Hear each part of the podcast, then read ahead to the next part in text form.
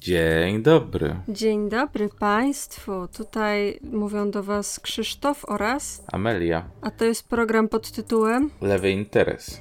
Dzisiaj, ponieważ poprzednio żeśmy poświęcili dwa odcinki takim delikatnym rzeczom, takim socdemkowym rzeczom, tak żeśmy Was zaprosili delikatnie na parkiet do tańca z nami, to dzisiaj, jak mówią wieszcze z zespołu Hewra, jedziemy z kurwami. Dzisiaj będziemy studiować naukę wielkiego wodza Kim Il-sunga, Juche.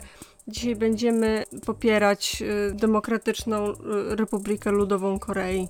Mam nadzieję, że Wam się spodoba. Dzisiaj będzie bardzo spicy odcinek. Mam nadzieję, że ci z Was, którzy nie są socdemkami, będą zadowoleni. A tak kompletnie poważnie mówiąc, to dzisiaj będziemy e, robić coś w rodzaju przewodnika po sprawach koreańskich. Mam nadzieję Wam opowiedzieć trochę ciekawych rzeczy na temat tego, co sprawia, że Korea jest taka, jaka jest i co się tam w ogóle wydarzyło i dlaczego w ogóle zaistniał konflikt między północą a południem, więc mam nadzieję, że, że, że to będzie dla Państwa interesujące. A później, y, czy mamy jeszcze jakąś strefę? Mamy jedną strefę chłodną. Chłodną. Tak, e, musimy rebrandować na strefę chłodną, Tak. bo to, to, to brzmi coraz gorzej. Tak. A strefa chłodna będzie dotyczyła Białorusi. Mhm. Tego, co uda, udaje się na razie jakby wyczytać z tego, co tam się dzieje, a dzieje się dużo i brzydko. Więc wspomnimy o takich dwóch e, drobiażdżkach. Mm, dobra, to, to o tym będziemy mówić. Jeśli chodzi o Koreę, to może zacznijmy od tego, jakby czym Korea była na początku, bo myślę, że będę się bardziej w, w tym omówieniu historycznym skupiać na historii XIX i XX-wiecznej, bo wtedy się zaczynają te wątki, które tak naprawdę mają dla nas znaczenie teraz. Ale może zacznijmy od początku. Skąd się w ogóle wziął ten naród? I najprościej go trasować w taki sposób, że pytamy, skąd się wziął język koreański.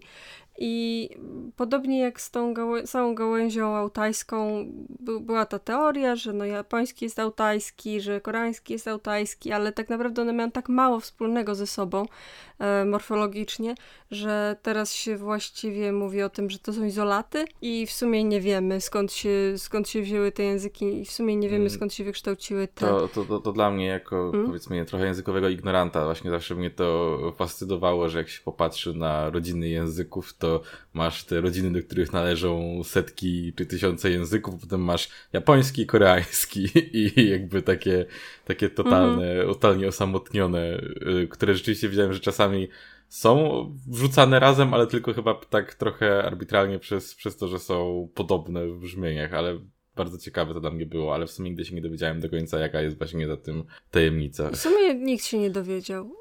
Też na, nadal Mm. dużo ludzi myśli, że to jest język altajski, ale to w, sumie jest bardzo kontestowane. E, zaczęło się od tego, że były sobie trzy królestwa. E, było na północy i, ono się roz, rozpo, w sumie było największe, się rozpościerało do, do terenów, które dzisiaj nazywamy Ma- Mandżurią i, i nazywało się Goguryeo albo Goryeo, e, w zależności od e, okresu i na południu były y, królestwo Bekdzie i Silla. I to jest też fajne, że ponieważ jakby w zależności od, od, od miejsca, gdzie jesteś, w południowej Korei y, się uważa, że dialekt Silla był, y, to, jest ten prawilny, to jest ten właściwy, a na północy się uważa, że Goguryeo to jest ten dialekt mm. Koreańskiego, który jest, to jest ten prawilny. W zależności od tego, skąd jesteś. One są tak dobrze rozpoznawalne, w sensie są w pełni zrozumialne wzajemnie? One są, wzajemnie? one nie są, one nie istnieją już. One są historyczne, one są, to jest, one są po prostu dialektami, od których pochodzi nowoczesny e, koreański, Mhm. ale dzisiaj istnieją różnice w dialektach pomiędzy północą a południem, bo północ bardzo pilnuje, żeby nie mieć żadnych pożyczek, z, szczególnie z chińskiego i z angielskiego. Tak, z No tak. angielskiego też. E, ale to zresztą przejdę jeszcze do tego, jak, jak, jak dokładnie jest w Korei Północnej, ale może zacznijmy od historii. Mm, I podobnie jak Japonia w sumie, Korea była takim, była już od tam XVI-XVII wieku znana jako pustelnicze królestwo. I była znana jako takie miejsce, które się nie otwierało na handel, y, z, szczególnie z Zachodem. I to, to jest też wspólne dla wielu krajów e, Azji Wschodniej, że była pod silnym protektoratem chińskim i Chińczycy mieli bardzo dużo wpływów e, kulturowych i e, ekonomicznych na ten kraj. I do mniej więcej okresu, który nas interesuje, było coś takiego jak król Korei, ale to był w zasadzie coś w rodzaju namiestnika chińskiego. To był król, ale nie bez, nie bez kozery, nie cesarz. Król, który, który po prostu był, miał za zadanie zarządzać tym konkretnym regionem, jakby pod, pod protektoratem chińskim. I dobra, może zacznę od tego, co, co, co się zaczyna robić spicy.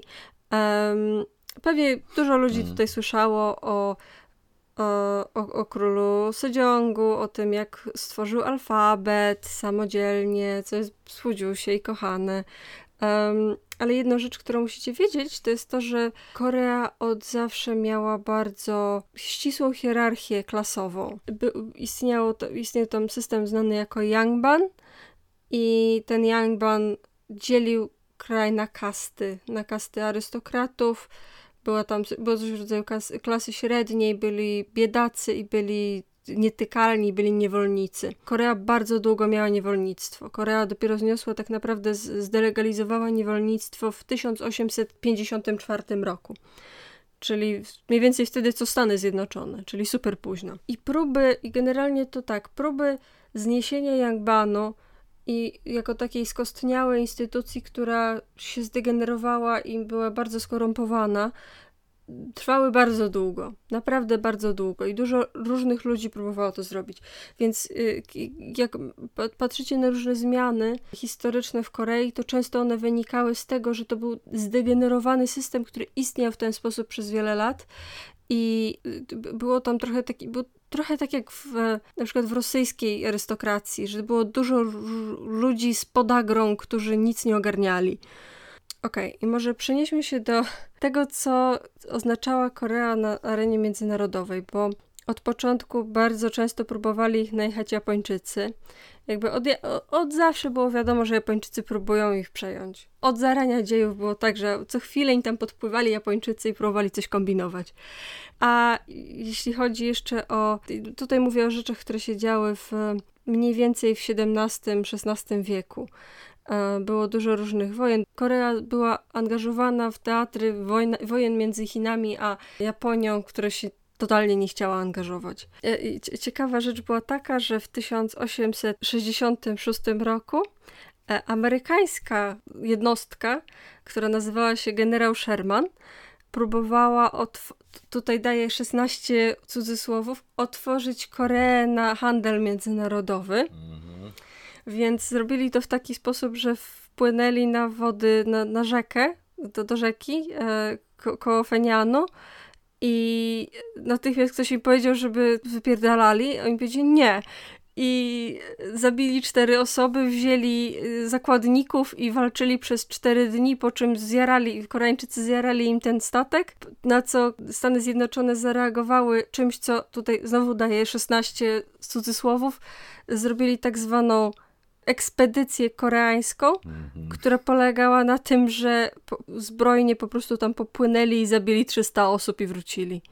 Wow. To jest w ogóle dla mnie niesamowite, bo w sumie podobna historia była z Japonią i 100 lat później niewiele bardziej finezyjne akcje były w całej Ameryce Środkowej, a mm. bardzo niesamowite tam jest to, przepraszam, znowu będę byczył na Amerykę, ale miałem sporo rozmów z Amerykanami, którzy absolutnie nie akceptują określenia na ten kraj, że jest imperialistyczny, albo że, e, albo że lubi, że, że właśnie tak naprawdę robił rzeczy czysto kolonizacyjne. Oni często widzą siebie jako takich, którzy. Oni byli za późno, żeby robić kolonię, przecież nie robili takich rzeczy. Jakie, imper... Jaki imperialistyczny? Y, kiedyś ten koleżka Amerykanin powiedział mi, że Ameryka nie jest, y, nie jest imperialistyczna od ponad 200 lat. I mam takie. Hmm, hmm, których 200? No właśnie. Pra prawda jest taka, że nigdy nie jest za późno, żeby robić kolonializm. Tak. Hmm. E, no więc tak, więc sobie wkroczyli, te, te, te Stany Zjednoczone sobie wkroczyły i jeszcze musicie wiedzieć, że e, często było tak, że jakby Japończycy uważali się za bardziej nowoczesnych niż Koreańczycy i to prawda, że Koreańczycy wolniej adaptowali się do zmian na świecie, jakby to było widać po wszystkich e, zmianach społecznych, że one następowały zdecydowanie później w Korei. E, bardzo się opierano nawet zmianie ubioru na zachodni. W 1884 roku miało miejsce coś, co się nazywało e, zamach stanu Gapsin i Gapsin to, było, to była grupa, która dążyła do obalenia Yangbanu, czyli tej monarchii, powiedzmy oligarchii arystokratycznej. I to było bardzo widać, że to była tak naprawdę nie walka wewnętrzna, koreańska, tylko to była walka między Japonią a Chinami o wpływy w Korei. E, I też tutaj trzeba zaznaczyć, że Korea była właśnie w takim hmm. bardzo nieszczęśliwym położeniu, że była pomiędzy właśnie Chinami i Japonią i jeszcze na północ miała Rosję. I też te oba zachodnioazjatyckie imperia nie chciały pozwolić Rosji na rozwinięcie się na południe. Więc to była tak naprawdę walka trzech, y, trzech sił o Koreę, która tak naprawdę kontynuuje się do teraz. I właśnie tak zwani reformatorzy Gapsin, czyli ci, którzy próbowali zrobić zamach stanu, e, byli popierani przez Japonię, a z drugiej strony na pomoc wezwała e, królowa Min, królowa Min, która była bardzo z, z, zaangażowana w, w politykę, chyba nawet bardziej była zaangażowana niż jej mąż, który był królem. Królowa Min, bardzo ciekawa osoba w ogóle, um, wezwała chińskie wojska na pomoc, żeby powstrzymać ten zamach stanu. I pod pewnymi względami im się udało odeprzeć um, ten zamach stanu, ale też zmieniła się, zmienił się stosunek Japonii wobec Korei na jeszcze bardziej imperialistyczny, jeszcze bardziej kolonialny. I zostawili e, Japończycy ambasadora w Korei, który w ogóle się nie pierdolił, tylko po prostu zamordował królową Min we śnie, kompletnie zrobił po prostu, zamordował ją a, a, i zagroził, że zamorduje też jej męża i dzieci, którzy musieli uciekać do Rosji. Bo wówczas, e, jak już e, to się akurat nałożyło na to, że Chińczycy tracili powoli hegemonię w regionie. Trochę Japończycy zastępowali ich pod względem bycia imperium i przez to Chińczycy jakby przestali trochę mieć znaczenie. Już bycie, bycie kojarzonym z Chińczykami, bycie sprzymierzonym z Chińczykami nie było już tak intratne jak wcześniej. Więc zamiast tego e, arystokracja koreańska no. szukała schronienia w Rosji i e, właśnie e, mąż i dzieci królowej Min uciekli do Rosji tam już zostali do 1919 no tak. roku.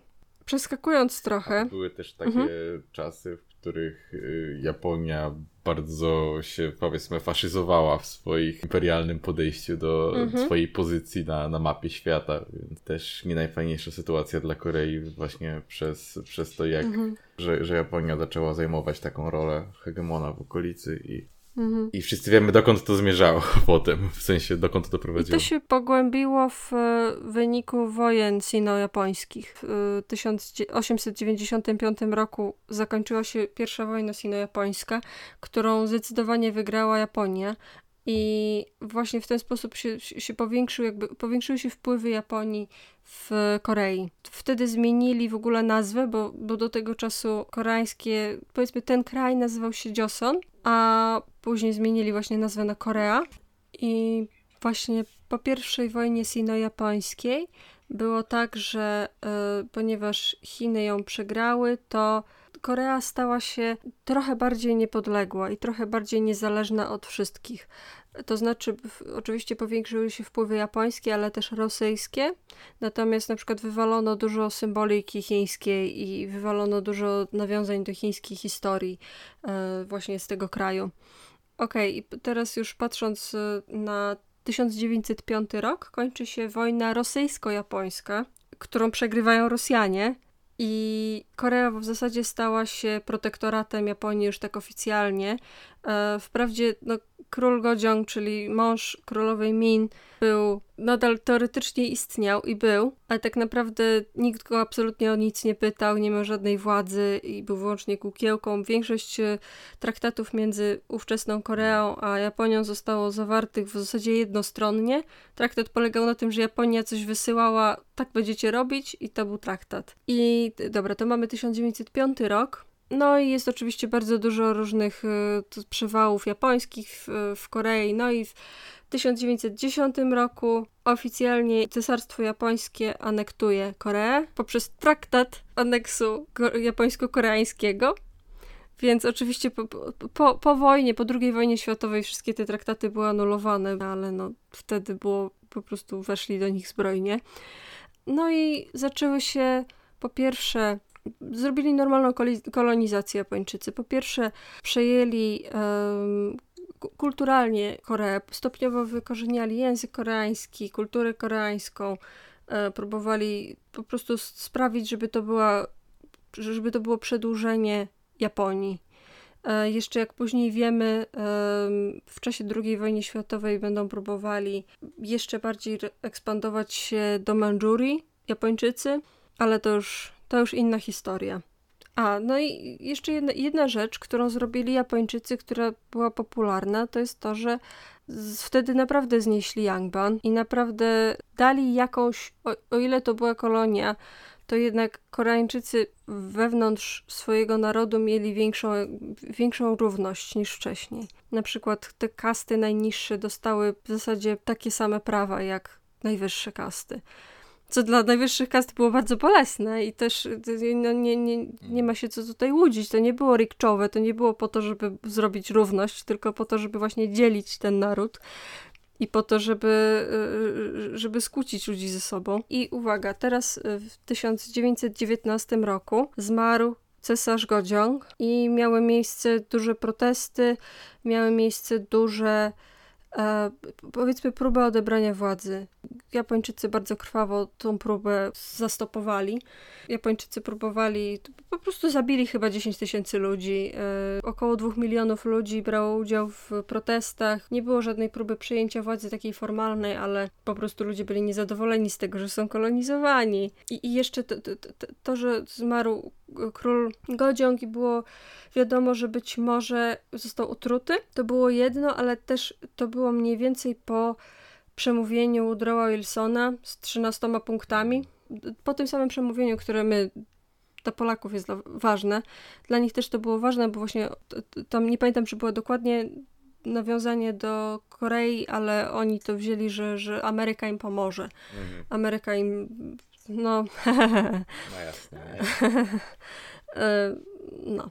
Ale e, jeszcze jedna ważna rzecz, którą zrobili Japończycy wtedy, oprócz tego, że mm, wykorzeniali język, to jeszcze wprowadzili dużo osiedleńców.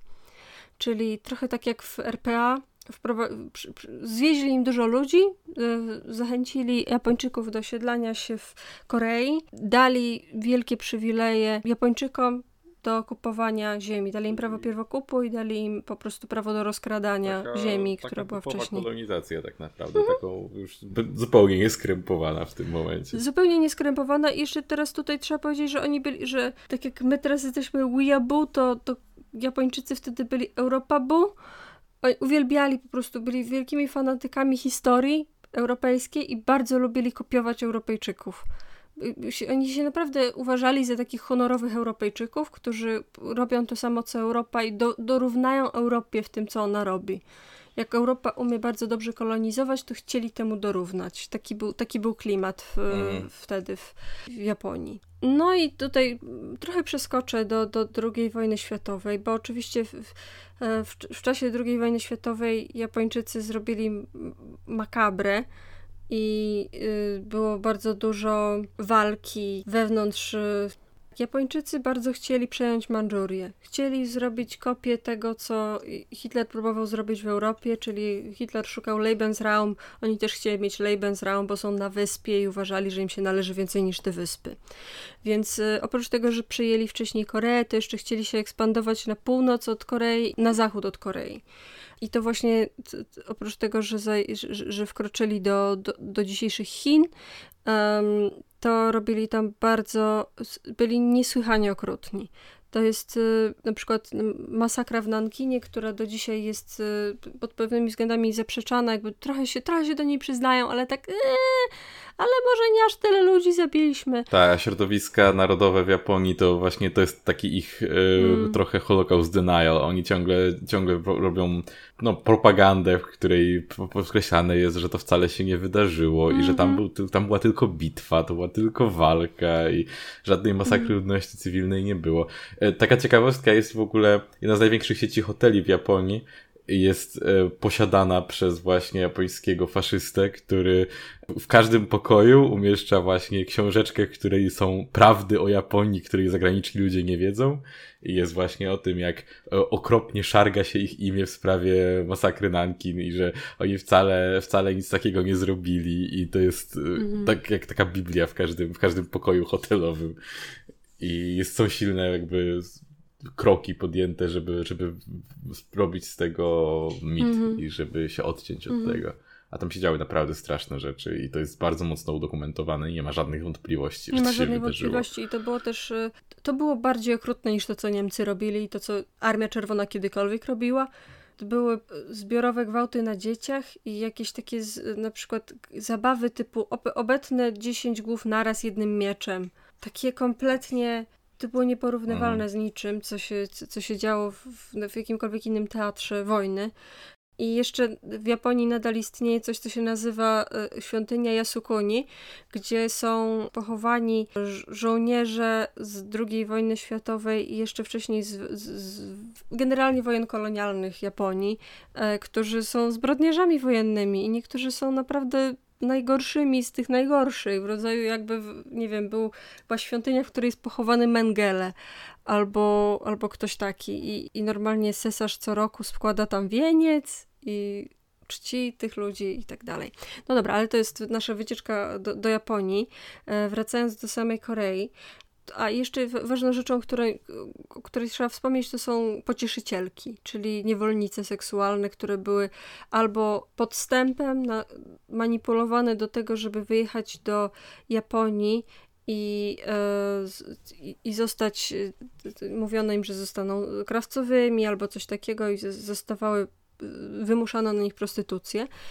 Albo to były po prostu osoby porwane w trakcie wojny były zmuszone albo do osiedlenia się w Japonii, albo były gwałcone w, jeszcze w Korei a, przez japońskich żołnierzy. No i to jest też kolejna kwestia, która sprawia, że do której Japonia niby się nie przyznaje, ale tak czasem coś powie, że no, no, no może coś tam, może coś tam było, ale tak naprawdę to nie. Tak naprawdę na pewno im się podobało w Japonii. E, po teraz, y, jeśli chodzi o samą drugą wojnę światową, to czy, czy Japonia wygrała, czy przegrała? Hmm. No. Zależy kogo zapytasz. W Japonii, w Japonii, w Japonii Japonia wygrała. Tak, tak. E, także Japonia bezwarunkowo się poddała e, krajom alianckim. W wyniku swoją drogą zbrodni wojennej USA, ale... Tak, z wyniki, ale też no, nie, nie, nie, przesa nie przesadzajmy z tą zbrodnią wojenną. Tam było dużo różnych rzeczy, które Stany Zjednoczone robiły. Trochę mnie irytuje takie przedstawianie, jakby, jakby Stany Zjednoczone tylko i wyłącznie zrzuciło dwie bomby. Jeszcze zbombardowali jak... Tokio, to co miało jeszcze tak, więcej właśnie... ofiar niż, niż oba. Dokładnie oba tak. Dokładnie tak było i nawet jak popatrzycie na zdjęcie Tokio po, po wojnie i zdjęcia Nagasaki i Hiroshimy, to Tokio wcale nie wygląda lepiej. Mhm. Tokio też nie ma kamienia na kamieniu. Więc to, to, to, nie jest tak, że po prostu polecieli, zrzucili dwie bomby, chirurgiczna precyzja i wrócili i ciach. Nawet, nawet gdyby to była chirurgiczna to była... precyzja skierowana dokładnie przeciwko ludności cywilnej, ale oni skierowali ją przeciwko wszystkim mhm. istotnym ośrodkom cywilnym tak naprawdę, w sensie wszystkim największym skupi skupiskom cywili, jakie mogli mhm. znaleźć. No to zaraz jeszcze będzie powtórka z rozrywki, ale to za chwilę. Więc y, tak, jest, jest rok 45 i jest e, jeszcze w trakcie II wojny światowej w konferencji bodajże w Teheranie e, było coś mówione o Korei, że będzie niepodległa i że, nie, że, że, że, powinna, że powinna być niepodległa, ale w sumie nie wiemy jaka powinna być, czyja. Po II wojnie światowej zrobiono podział. Ten podział, który się w zasadzie utrzymuje do teraz, według 38 e, równoleżnika. Oczywiście to nie jest dokładnie 38 równoleżnik bo to jest granica w górach. E, w ogóle cały Półwysep Koreański jest górski, więc to jest taka bardziej, bardziej zygzaczek, ale mniej więcej przy 38 e, równoleżniku. Ale rozumiem, że Europejczycy chcieli uhonorować długą tradycję robienia równych link do podziału państw na odległych kontynentach. Bardzo chcieli, strasznie chcieli. Chyba, chyba Związek Radziecki ich powstrzymał przed tym. Więc zrobili podział, że na północ od 38 równoleżnika będzie teren zarządzany przez y, Związek Radziecki, a na południe przez Stany Zjednoczone.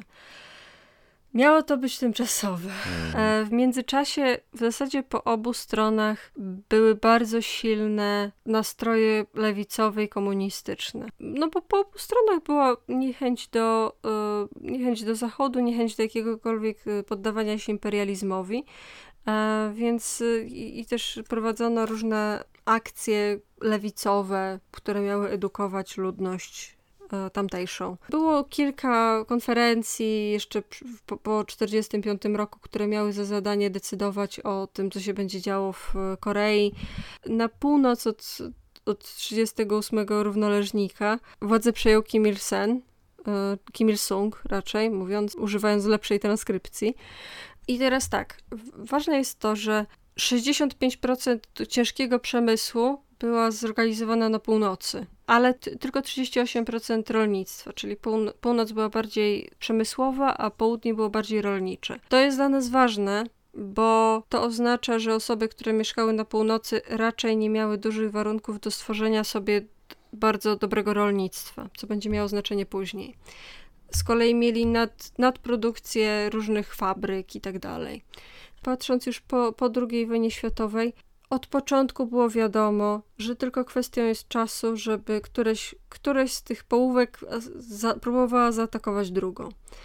Potyczki trwały w zasadzie od 47-8 roku, gdzie była taka trochę wojna podjazdowa, że tak jeden ktoś komuś coś strzeli, ktoś komuś odpowie. W, na północy rządził Kim Il-sung, a na południu był e, Seungman Rhee, który był również bardzo autokratyczny, był bardzo um, autorytarny. To jest, to jest też bardzo ciekawa rzecz. Od 48 do 49 roku miało miejsce powstanie na wyspie Dziedziu. E, Dziedziu to jest wyspa tropikalna na południe od Półwyspu Koreańskiego, trochę taki kurort.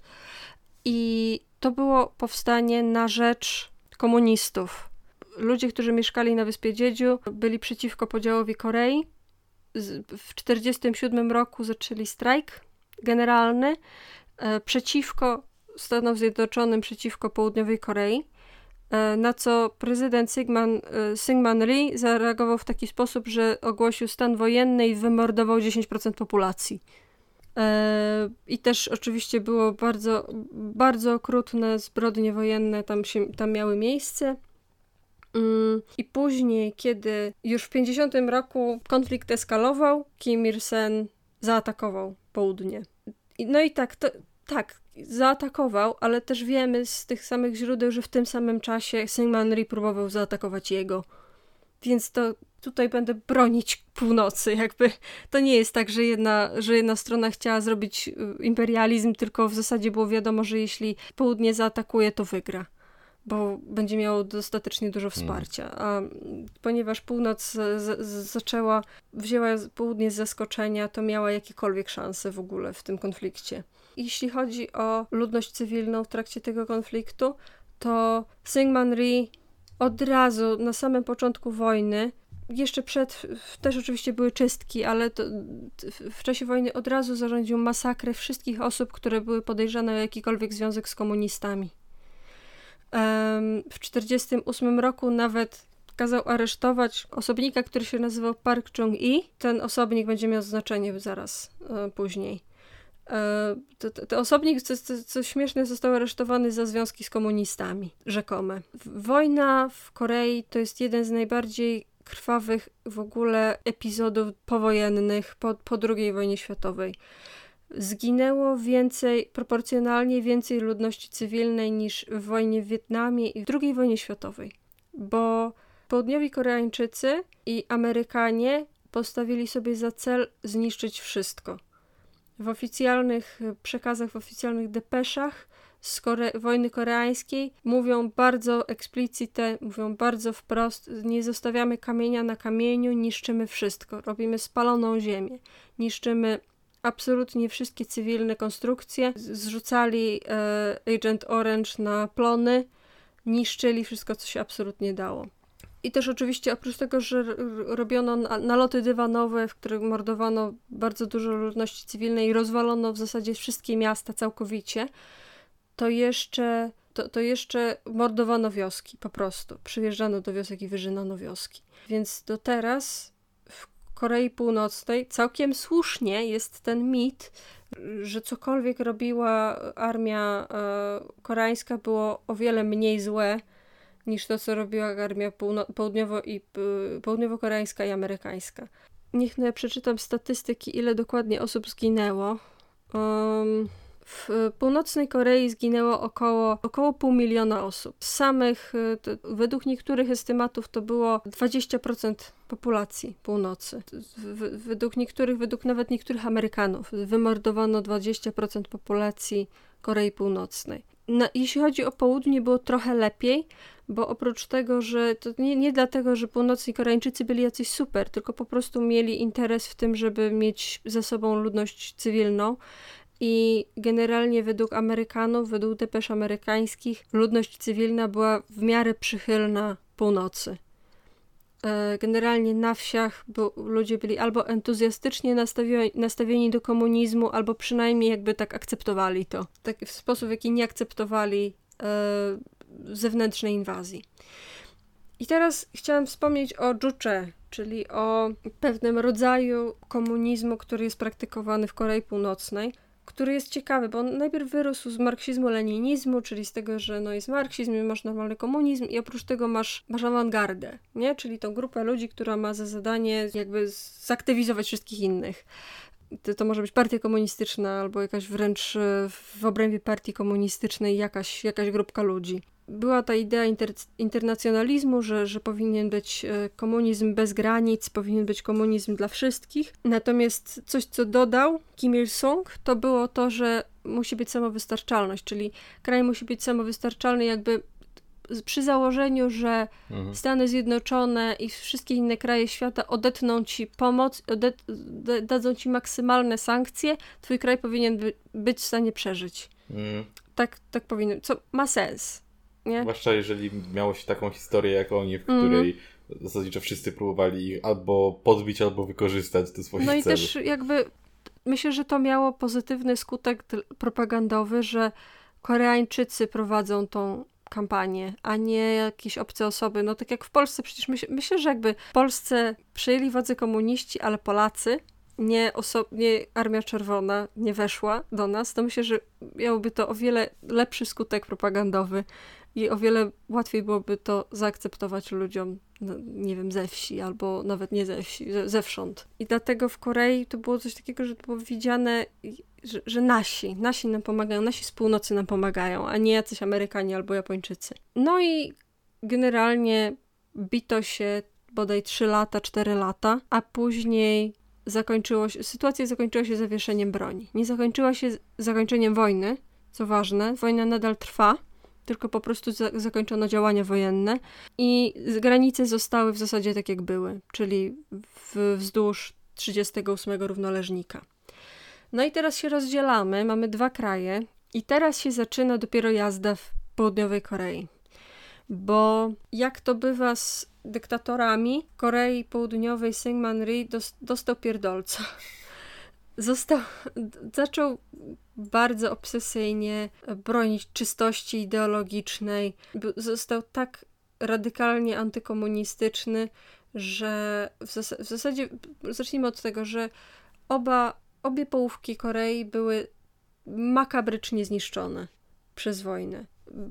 Północ bardziej, ale południe też, nie, nie oszukujmy się. Też zniszczono miasta, też stracono bardzo dużo y, ludności cywilnej szczególnie na północy stracono bardzo dużo takich, takiej infrastruktury w rodzaju, że tama, w rodzaju Amerykanie rozwalali tamy, żeby stworzyć powódź gdzieś. Więc oba kraje były makabrycznie zniszczone.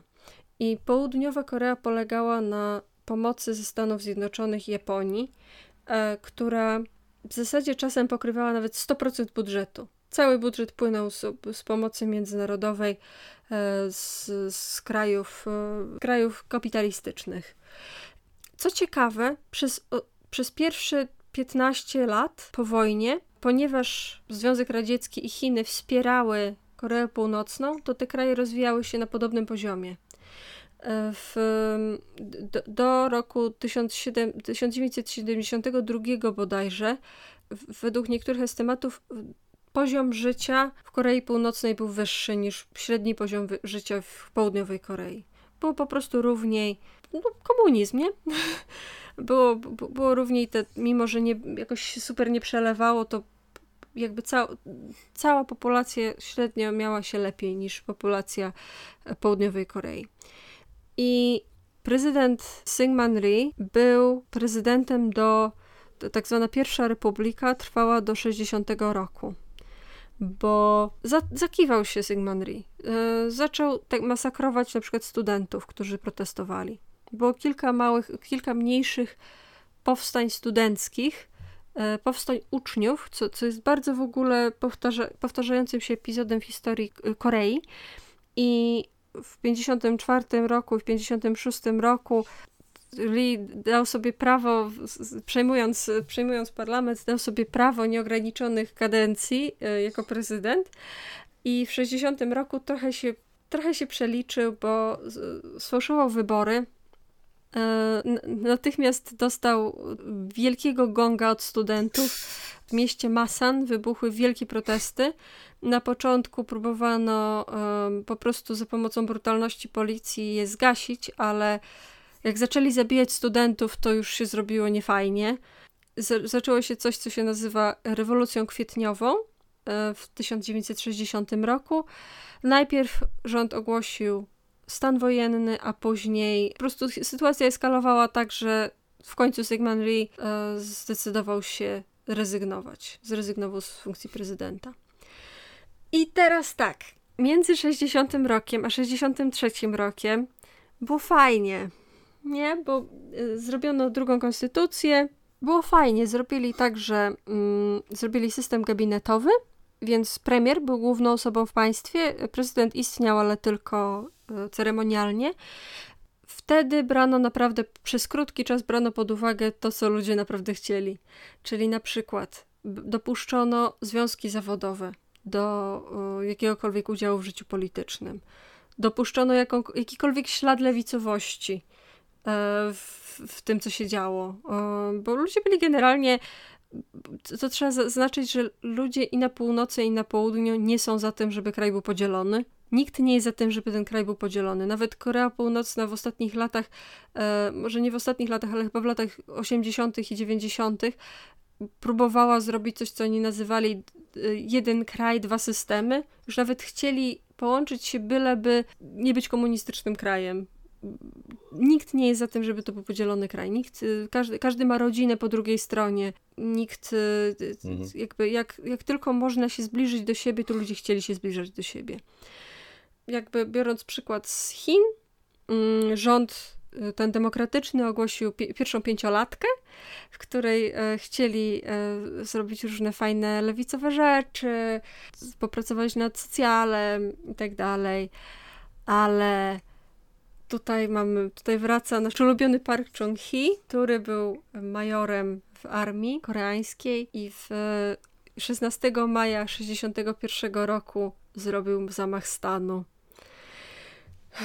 I wprowadził huntę, która znowu e, miała za zadanie przywrócić kraj do swojego naturalnego kapitalistycznego stanu. I to był ten człowiek, który wcześniej był aresztowany za komunizm. Yep. Okej. Okay to, to ci musi powiedzieć, jak bardzo przyjemem był e, Syngman Rhee, skoro dla niego ten koleś był komunistą. Junta stworzyła coś, co się nazywało Koreańska Centralna Agencja Wywiadowcza, KCIA, hehe. I to jest ważne, to zaraz wróci, bo to jest e, bardzo znaczący okres historii Korei. E, od 1963 roku do 72 roku. Korea była w zasadzie huntą faszystowską, która miała, była zorientowana na eksporty za granicę i dostawała na przykład wtedy wykształciło się w Korei Południowej coś, co teraz jest znane jako czebol, czyli te wielkie konglomeraty, na przykład Samsung jest czebolem te wielkie firmy, wielkie korporacje, które dostawały maksymalnie dobre warunki od państwa, dostawały wielkie dotacje, to, to byśmy powiedzieli, że to nie jest jakoś super kapitalistyczne, ale mhm. to, jest, to jest właśnie esencja kapitalizmu, że, musi, że państwo musi ci zajebiście pomóc, żeby twój biznes się w ogóle, żeby twój wolny rynek zadziałał. E, tak, i teraz będzie to podawane jako przykład tego mhm. właśnie, jak firmy w, w kapitalistycznej Korei świetnie sobie poradziły, mhm. mimo że tak naprawdę były to firmy powołane do istnienia, czy z umożliwionym istnieniem przez faszystowską władzę. Tak. I faszystowską władzę i jeszcze do tego bardzo interwencjonistyczną władzę, więc y, nawet, nawet nie, to, to nawet nie byli libertarianie. I co, co śmieszne, e, to jesteśmy w tym okresie historii, kiedy miała miejsce wojna w Wietnamie i patrząc na to, co się działo w Korei Północnej, mniej więcej właśnie wtedy więzy między Koreą Północną a, a Związkiem Radzieckim jeszcze bardziej się zacieśniały, bo w pierwszych latach po II wojnie światowej, w pierwszych latach po wojnie koreańskiej trochę nieufnie patrzono na Kim Il-sunga, na to, że e, to, to, to już było e, po śmierci Stalina, już była odwilż, Związek Radziecki już był trochę over it, już im się nie podobało, trochę dla nich cringe'ową było robienie na przykład kultu jednostki. E, uważali, że to jest niestabilne, że nie wiadomo co on zrobi. Trochę patrzyli jeszcze na to jak, przez analogię do Tito, że nie wiadomo czy się nie oddzieli nie będzie kombinował przeciwko nam zaraz. Natomiast po po latach 60. jakby te, już e, jakby w latach 60. już się zaczęła epoka Breżniewa, Breżniew się generalnie zbliżył do e, Korei Północnej, a natomiast Mao się bardzo oddalił, e, znaczy Chiny Mao się bardzo oddaliły i e, bardzo zabawna była dla mnie wymiana między Mao a Kim Il-sungiem, że Mao powiedział o, o, o Juche, że to durna, że powiedział, że to idiotyczna instytucja, idiotyczny pomysł, i chyba było tak, że koreańskie, koreańska propaganda odpowiedziała Mao, że z grubasem, czy coś takiego. wow, okej. Wojna ideologiczna. Tak, wojna idei.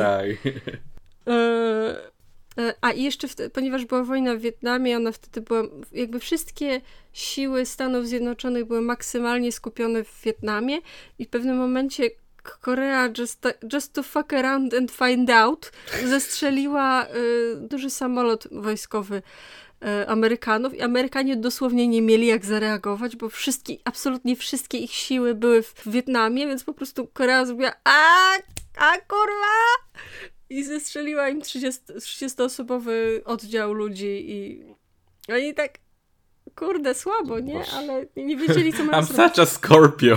A? A jeszcze na północy ważne jest to, że wszystko, co robił Mao, trochę miał powód, żeby się czepiać Koreańczyków.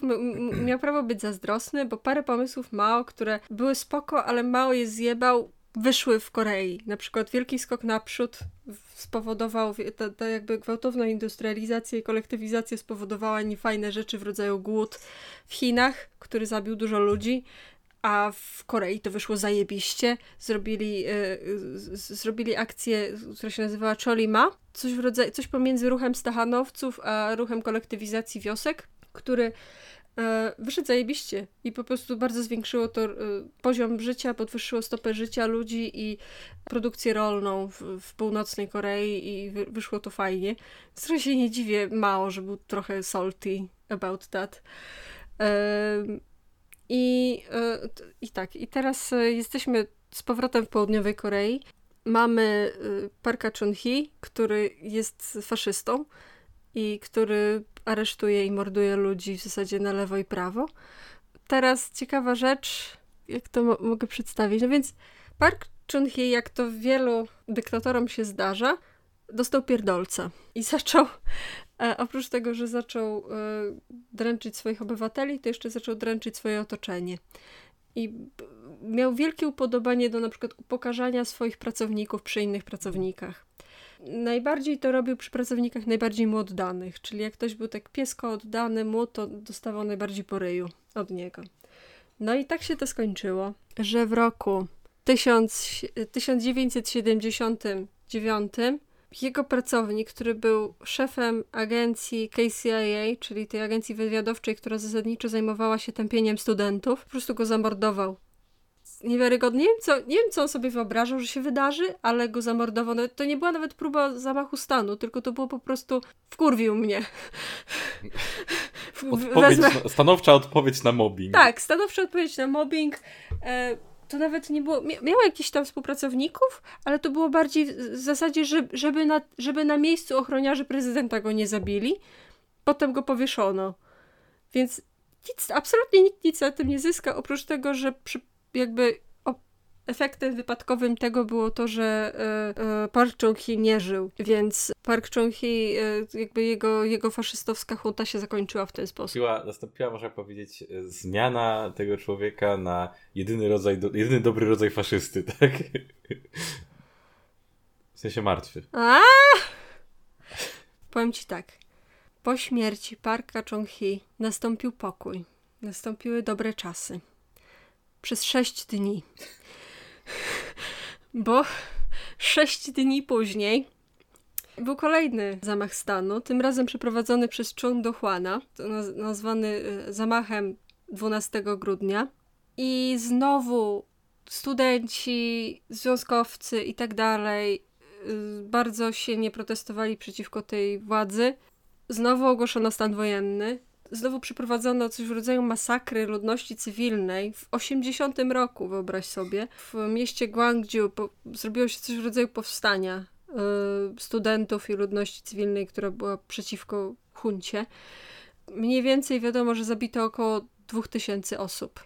Kolejne, kolejne rządy, oczywiście tutaj dużo przeskakuje, ale musicie wiedzieć, że w międzyczasie było dużo przewałów w rodzaju zrobię nową konstytucję, w której będę Bogiem, albo zrobię nową konstytucję, w którym będę miał nieograniczoną władzę i zlikwiduję parlament, a potem następny koleś, ja przywrócę parlament, ale za to będzie mój i wszystkich członków będę nominował ja. Te, tego typu rzeczy. Mniej więcej można powiedzieć, że taka normalizacja dopiero w historii y, Korei miała miejsce w 1987 roku. Było tam paru różnych facetów, którzy robili albo przejmowali władzę, albo robili zamach stanu, e, ale generalnie e, w międzyczasie Roteu, mam nadzieję, że to się tak wymawia, Roteu, wygrał wybory. Jego propozycje zmian w konstytucji zostały przyjęte i został został, został prezydentem. Y, przy czym śmieszne jest to, że Roteu wcale nie był opozycjonistą takim, to, to nie był żaden, żaden Wałęsa, tylko to był bardziej jaruzelski, taki kontraktowy kontraktowy opozycjonista, taki kontraktowy prezydent, który w zasadzie nikt za nim nie był, tylko po prostu był troszkę lepszy od poprzedników. On z kolei troszkę otworzył Południową Koreę na e, relacje z północą. Mamy paru różnych prezydentów i no, różne rzeczy się działy. Generalnie y, musicie wiedzieć, że kraj się rozwija ładnie, fajnie, jest, y, jest miło, jest, jest, przyjmują duże pieniądze z zachodu i przyjmują duże pieniądze od Amerykanów, więc im się zajebiście powodzi. Wszystkie jakby wskaźniki społeczne oprócz równości rosną, jest fajnie. A no jeszcze ciekawe jest to, że dopiero narodowy system emerytalny został y, ustanowiony w, 1908, w 1998 roku. Dopiero wtedy. A co wcześniej, co sobie odłożyłeś, to twoje, tak? Tak, tak bo, to, bo to jest komunizm, jak masz emeryturę publiczną. No tak. No i to różne, różne rzeczy. Tutaj już nudy się zaczynają, bo tu są normalni prezydenci z normalną polityką kapitalistyczną, lipkową i, i tak dalej. Ale muszę zatrzymać się przy tej prezydentce, która była parę lat temu, między 1000, 2013 y, a 2017 rokiem. E, nazywała się Park Geun-hye i zgadnij, czyją była córką. Czyją? Park Chung-hee. Wybrali córkę swojego dyktatora, bo mieli po prostu poczucie nostalgii. As you do. I była, o ile jakby była przewodniczącą swojej partii, miała tam jakieś sukcesy polityczne, ale generalnie była uważana za niekompetentną. Od początku było wiadomo, że jest niekompetentna. Um, i oprócz tego, że była taka, że nie umiała mówić, musiała cały czas mieć notatnik w ręce, żeby cokolwiek być w stanie powiedzieć, e, była taka niesłowna, nie wiadomo było do końca za czym ona stoi. Oprócz tego miała takie zapędy niedemokratyczne, że na przykład było wiadomo, że ma czarną listę twórców i na przykład e, na przykład Bong Joon-ho i ten aktor, który gra ojca w, w Parasajcie byli y, na czarnej liście, dlatego że nie chcieli chwalić, chwalić jej prezydentury I, i swoją drogą było dużo różnych skandali, takich PR-owych, że w, rodza w rodzaju, że e, jakiś minister się odezwał, że klasa pracująca to świnie i szczury, albo coś takie... Jezu. Co? Czemu w ogóle? Po co, po co otwierasz mordę, typie? I było dużo różnych takich rzeczy.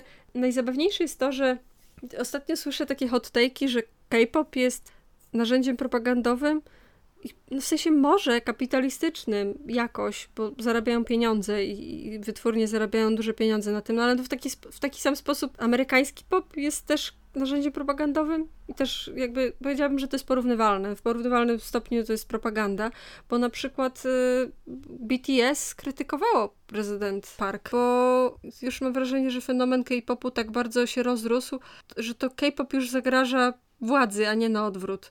E, jeszcze za czasów Park Chung-hee było tak, że można było iść do więzienia, być katowanym za odmowę współpracy z reżimem i na przykład e, koleś, który założył, jest uznawany za ojca chrzestnego e, koreańskiego rocka i koreańskiej muzyki pop, nazywał się Shin Jong-hyun był właśnie katowany w więzieniu za to, że nie chciał y, tworzyć muzyki dla wielkiego wodza Park Chung-hee, czyli ojca obecnej pani prezydent. Znaczy już nieobecnej. Już nieobecnej. Natomiast y, właśnie BTS stworzyło piosenkę przeciwko niej, co jest w ogóle zajebiste, że sądzisz, że BTS to jest takie o, I, I love you, I love you, a potem masz normalnie polityczne, polityczne bopy.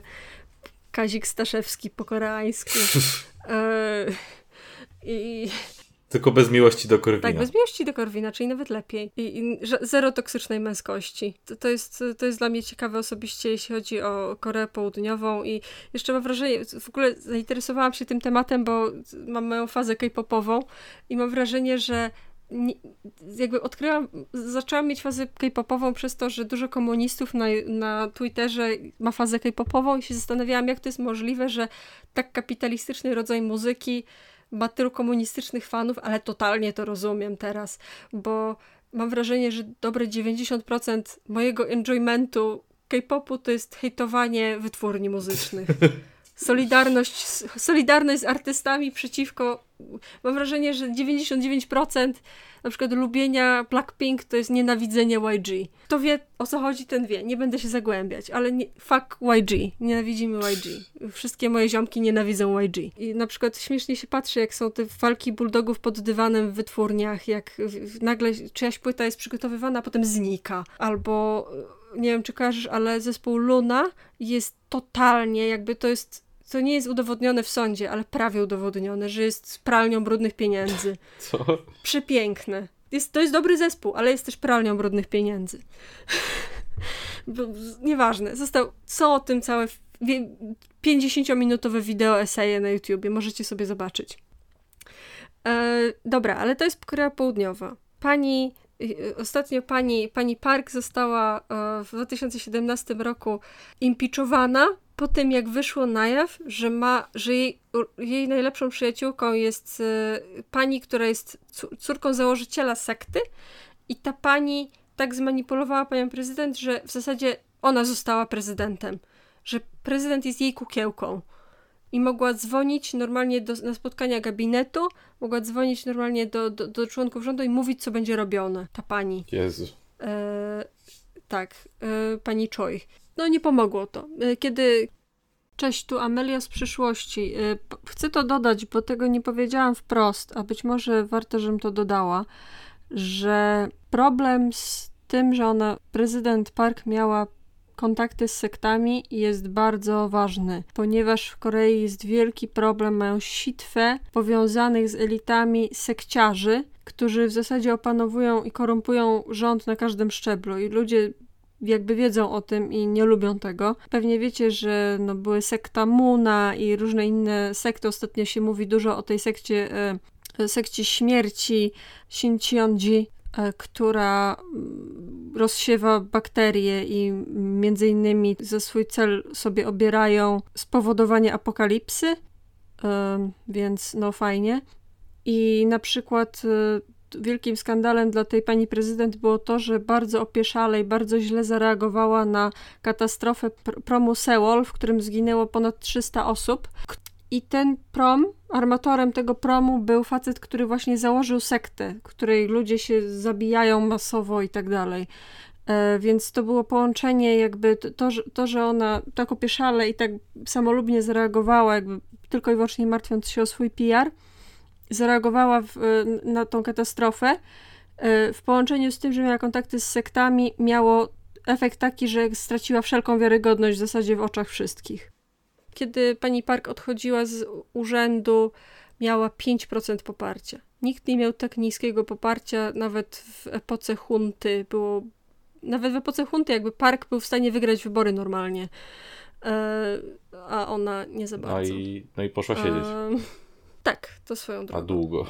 No, także to, to jeśli chodzi o, półno- o południową Koreę, a jeśli chodzi o północną, to dużo ludzi utożsamia, e, d- może tak, dużo ludzi sobie wyobraża, że Korea Północna to jest Korea z lat 90., bo jest teraz i w Korei Południowej, i wszędzie indziej nadprodukcja historii z tego okresu, na przykład bardzo dużo ludzi, którzy uciekli z Korei Północnej, uciekali z niej właśnie w latach 90., w latach 2000, wtedy, kiedy Korea była, Północna Korea była w największym kryzysie, bo wtedy złożyło się na to dwa czynniki. Pierwszy był taki, że upadł Związek Radziecki, czyli nie mieli już pomocy z zagranicy, a drugi był taki, że akurat mieli bardzo katastrofalne powodzie w latach 1994-99.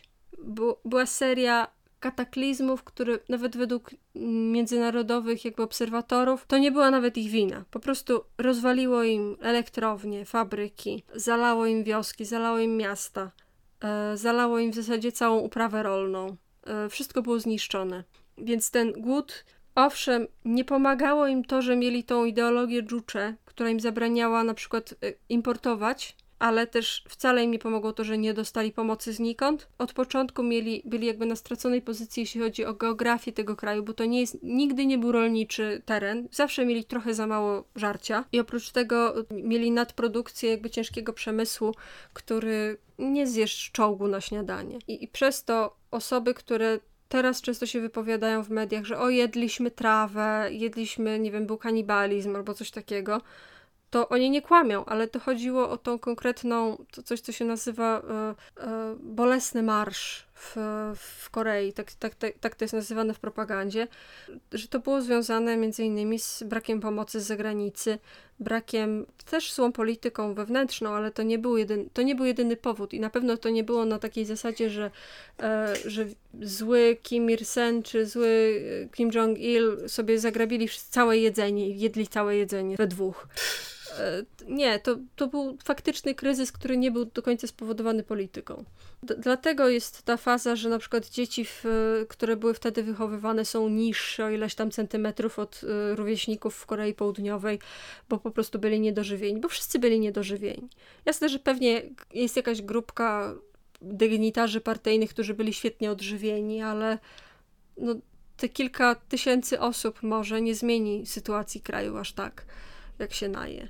Więc od tego czasu, od czasu upadku Związku Radzieckiego, jest w zasadzie coraz gorzej w, Ko w Korei Północnej. I to, jeśli chodzi o ekonomię, jeśli chodzi o to, że jakby oni przez to, że są tak izol izolacjonistyczni, nie mają nie mają eksportów, jakby nie, to, to, znaczy teraz y, mają zakaz w ogóle eksportów, nie mogą eksportować swoich towarów, nawet gdyby chcieli. Chyba Chinom od, ostatnio sprzedają jakieś płody rolne nielegalnie w ogóle, wbrew, wbrew postanowieniom ONZ, e, za co zostali skrytykowani. Przy czym mają komunizm, to źle. Jak próbują coś sprzedawać kapitalistycznie, też źle. To jakby nie, nie, nie, daje się im żadnego wyboru, nie daje się im żadnego wyjścia z ich sytuacji. No, sytuacja teraz Korei Północnej jest trochę słaba. nie za bardzo wiadomo, jak z tego wyjdą, i, i, i jeszcze nie, wcale im nie pomaga to, że sytuację za, zaogniła e, siostra Kim Jong-una, ulubienica Kim Jong-ila, e, Kim, Kim Yo-jong, która e, jest podobno bardzo radykalna, jest bardziej radykalna niż jakikolwiek inny polityk w Korei Północnej. E, i ostatnio była taka sytuacja, że e, jak była jakaś eskalacja na granicy, właśnie w związku z tym wybuchem, który miał miejsce niedawno, to ona jakoś się w ogóle nabijała, przedrzeźniała ambasadora południowo-koreańskiego czy coś takiego. W sensie szanu jakoś szanuje ten, tego ducha, ale nie pomogło to w żaden sposób Korei Północnej. No, więc taką mamy sytuację, mamy trochę taki, taki pad między Koreą Północną a Południową e, i, i myślę, że jedna rzecz, którą chciałabym powiedzieć na koniec, to jest to, że Korea Północna i Korea Południowa, myślę, że to, że one, że jej historia wyglądała tak, jak wyglądała, wynika z tego, że od trochę tak jak w Europie Wschodniej, trochę, myślę, że trochę czuję, trochę relatuję do tego jako Polka, że oni też mieli coś w rodzaju pańszczyzny i oni mieli też coś w rodzaju takiego systemu nastawiania ludności przeciwko sobie. Mhm.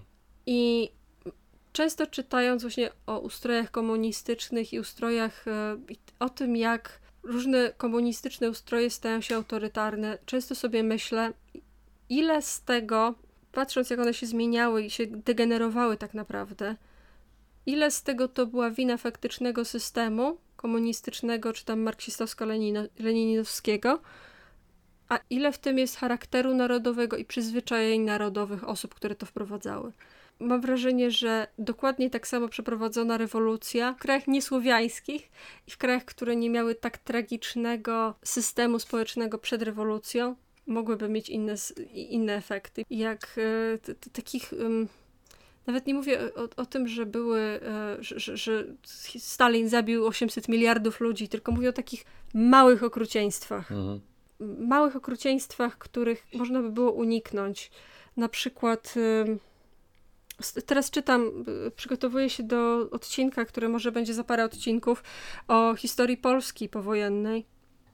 I czy, czytam o tym, jak y, przeprowadzono denominację waluty po wojnie w Polsce. To było chyba 52 czy 3 rok. I ją można było łatwo zrobić tak, żeby ludziom się podobała. Łatwo można by było zrobić to komunistycznie i tak, żeby ludziom się podobało, ale chcieli ludziom dojebać po prostu, bo im, się, bo im nie zależało, żeby to zrobić dobrze, nie umieli tego zrobić dobrze, nie chciało im się pomyśleć dwa razy i ludzie stracili y, oszczęd- swoje osobiste oszczędności. Nie mówię tutaj o tym, że ktoś stracił sklep, tylko że ktoś stracił swoje osobiste oszczędności, które mu były potrzebne do czegoś, na coś oszczędzał. Takie drobne rzeczy, nie? Takie, które sprawiają, że ludziom się ten system nie podobał, po prostu, bo, bo był dla nich nieprzyjemny. Taki user experience był zły. To, mm. to mam wrażenie dużo. To jest najbardziej związane z y, przyzwyczajeniami ludzi w danym kraju i charakterem narodowym, który jest kształtowany przez historię danego narodu. I zastanawia mnie, czy kiedykolwiek się od tego oderwiemy, czy istnieje jakiś system, może to, to jest w sumie bardziej pytanie niż komentarz, ale to jest dla mnie ciekawe, czy jesteśmy w stanie wprowadzić taki poziom świadomości kiedykolwiek jako lewicowcy, żeby ludzie się oderwali od tych przyzwyczajeń, żeby Polacy na przykład przestali się cieszyć, jak sąsiad się rozpierdoli nowym samochodem, bo, bo, ta, bo z takich rzeczy ostatecznie wynikają te drobne okrucieństwa. Takie, że a, zrobię, żeby, się, że, zrobię, żeby stracił oszczędności, a, albo coś w tym stylu. Takie że możesz to zrobić, możesz to zrobić solidarnie, ale robisz to tak na, na pół gwizdka i przez to robisz zły PR komunizmowi. I myślę o tym właśnie w, Korei, w kategoriach Korei Północnej, bo jest y, właśnie o tych rzeczach najwięcej się mówi, o takich drobnych okrucieństwach, takich drobnych, e, bezsensownych, źle przeprowadzonych akcjach się mówi się mówi najwięcej, jeśli chodzi o komunizm. To jest głównie używane jako, takie, jako taka wuwuzela przeciwko. A, słyszeliśmy, że o wuwuzeli, e, że, że, że był jakiś jeden program społeczny, który bardzo nie poszedł dobrze, albo, a, albo jakaś jedna akcja, która źle poszła. I myślę o tym w taki sposób, że po prostu nie słuchajcie propagandy. Słuchajcie dużego obrazka, nie słuchajcie tego, że jak ktoś wam mówi po raz szósty w danym roku, że Kim Jong-un umarł, to czas przestać słuchać tego, kto wam to mówi, bo niemożliwe, żeby był wskrzeszany raz na dwa miesiące.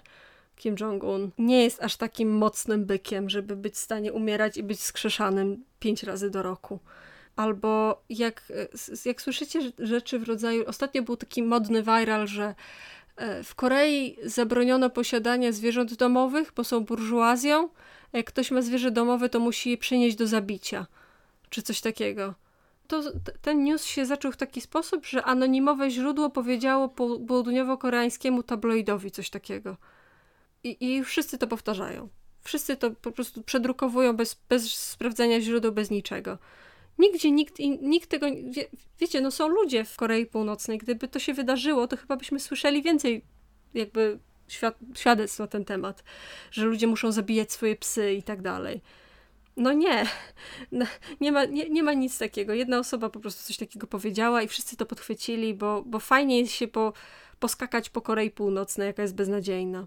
Jest trochę, jeśli chodzi o takie, może z północno-koreańskiej perspektywy rzeczy, to jest taki film, który pewnie wam poleci miliard osób, który się chyba nazywa Nasi, Nasi Nasi bracia i siostry na północy, tak się nazywa ten dokument. Zrobiła go dziewczyna, która jest Koreanką mieszkającą w Niemczech. E, to jest dokument, który wam ludzie polecą i myślą, tak, bo ten dokument wam pokaże, że Korea Północna jest super i że ten system super działa. Jakby, jak popatrzycie na ten film, to ja mi powiedziała, że on pokazuje, że ten system super działa. Bo to nie jest tak, że ci ludzie są super szczęśliwi. Mam, miałam wrażenie, jak, jak oglądałam ten film, że zachowują się całkowicie normalnie. Po prostu niektórzy są wkurwieni w pracy, niektórzy są trochę zmęczeni, niektórzy są mało entuzjastyczni. Nie ma czegoś takiego, że och, tak, dzisiaj będziemy czytać dzieła wielkiego wodza Kim Jong-ila. Tylko bardziej masz takie e, według nowych regulacji musimy czytać Kim Jong-ila codziennie, więc teraz to robimy. Fajnie. Więc y, brzmią normalnie. Brzmią jak normalni biurowi pracownicy i mają normalne przyzwyczajenia. Zdecydowanie większe wrażenie to na was robi, jeśli macie takie przeświadczenie, że Korea Północna jest obozem koncentracyjnym, to wtedy zobaczycie, że nie jest, ale też nie jest rajem. I y, jeszcze jedna rzecz, którą trzeba dodać, to jest coś, co jest y, dla mnie osobiście ważne że obie połówki Korei, i temu nie, nie można o tym zapomnieć, są maksymalnie seksistowskie. Są obie połówki, to jest i dla północy, i dla południa to jest ważne. I myślę, że to jest też związane z tym, co mówiłam o intersekcjonalizmie w odcinku, w odcinku Lewych Papierów, który był jak parę dni temu, mm, że zasadniczo, kiedy kiedy nie ma solidarności na jakiejś płaszczyźnie, nie wiem, klasowej albo historycznej, narodowej z, z kimś tam, to też zazwyczaj nie ma, nie ma solidarności na innych płaszczyznach i w, to totalnie widać w Korei, że na południu macie y, całe reality show, które polegają na tym, że powiedz gwiazdce K-popu, że jest gruba albo coś takiego, a na północy jest też, jak obejrzycie ten film, to też widać, że ludzie, jakby taki baseline seksizmu jest strasznie wysoki. Mówienie, że coś jest slutty jest normalne, albo że, że, że mówienie kobietom, że są brzydkie jest takie normalne, że, że po prostu możesz to zrobić. Taki, hmm. o tym właśnie mówię, taki bardzo wysoki baseline, poziom codziennego, normalnego okrucieństwa jest wyższy to jest coś, co jest widoczne, to jest coś, co, nie wiem, może kiedyś rozwi rozwinę tą myśl, może napiszcie w komciach, jeśli wiecie, o czym mówię. Taki normalny poziom bycia wrednym dla innych ludzi jest wyższy. I to jest coś, co jest dla mnie ciekawym fenomenem. Nie wiem, czy Krzysiu wiesz, o czym mówię. Chyba rozumiem. W sensie widziałem troszkę właśnie takich materiałów o seksizmie koreańskim właśnie po obu stronach Korei i, i chyba, chyba trochę rozumiem, o co chodzi. Także no to są moje komentarze na temat Korei. Ogólnie to ja bym powiedziała, że może nie jestem dźwigiem, jeśli chodzi o Koreę. Nie jestem super czołgiem, jeśli chodzi o Koreę, ale myślę, że akurat w tym przypadku jakby każdy był o 5% bardziej czołgiem, to świat byłby trochę lepszy.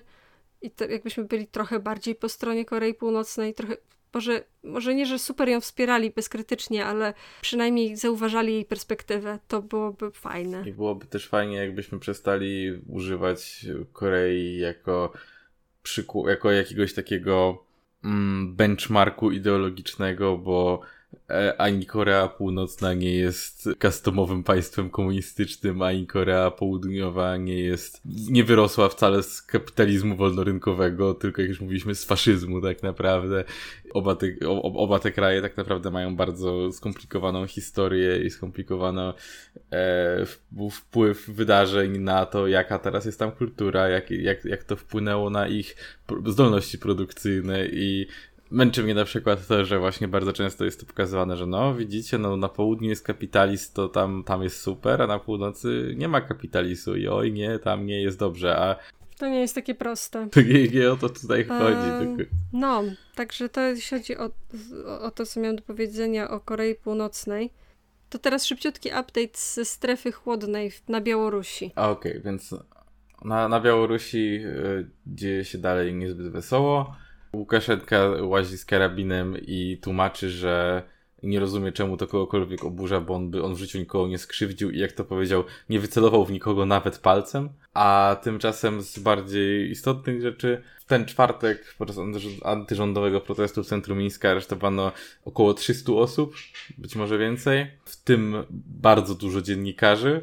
Procent dziennikarzy jest tak duży, że nie wierzę, że byli, jest to sensowna reprezentacja dziennikarzy w tłumie, bo e, szacuje się, że około 50 osób, wiadomo, że na pewno 39 osób było dziennikarzami z tej, z tej grupy, niecałych 300 osób, czy tam około 300 osób. Dodatkowo, o ile większość została chwycona, spisana i wypuszczona, oczywiście nie na miejscu, tylko w komisariacie, żeby ich troszkę zastraszyć, to kilka osób e, zostało aresztowanych, w tym między innymi ludzie e, z Bielsatu, oczywiście, bo, bo nad tym nie ma kontroli lokalna władza, a więc trzeba było ich najbardziej nastraszyć.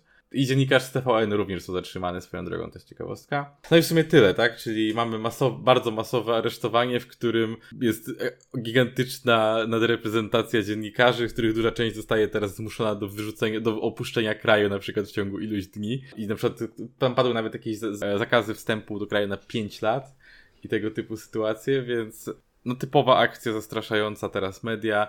E, kolejna du duża rzecz, Rosja, Putin powiedział, że szykuje e, rezerwę armii, która ona, oni nie planują wkraczać ani nic, ale są przy granicy i oczywiście chodzi tylko o ewentualną kontrolę, jeżeli ekstremiści przekroczą granicę, to wtedy będzie trzeba się z tym rozprawić, ale tak? A więc e, no, jest oczywiście malowany obrazek, że to jest tylko obronna kwestia i chodzi tylko o ekstremistów, którzy mogą chcieć coś zniszczyć, a, a więc armia rosyjska w razie czego wesprze Białoruś.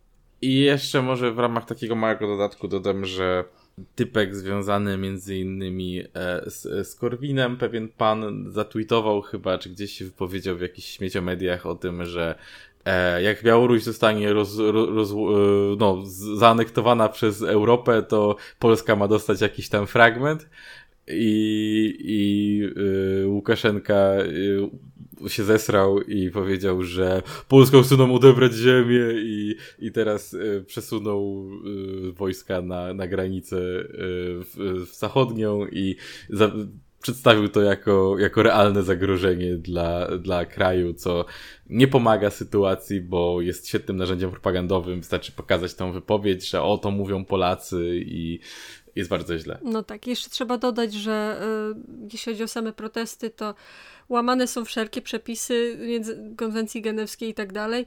Na przykład bici są lekarze, którzy y, mają, są odpowiednio oznakowani Czerwonym Krzyżem. Y, i e, zabrania się lekarzom wyjeżdżania do pobitych osób.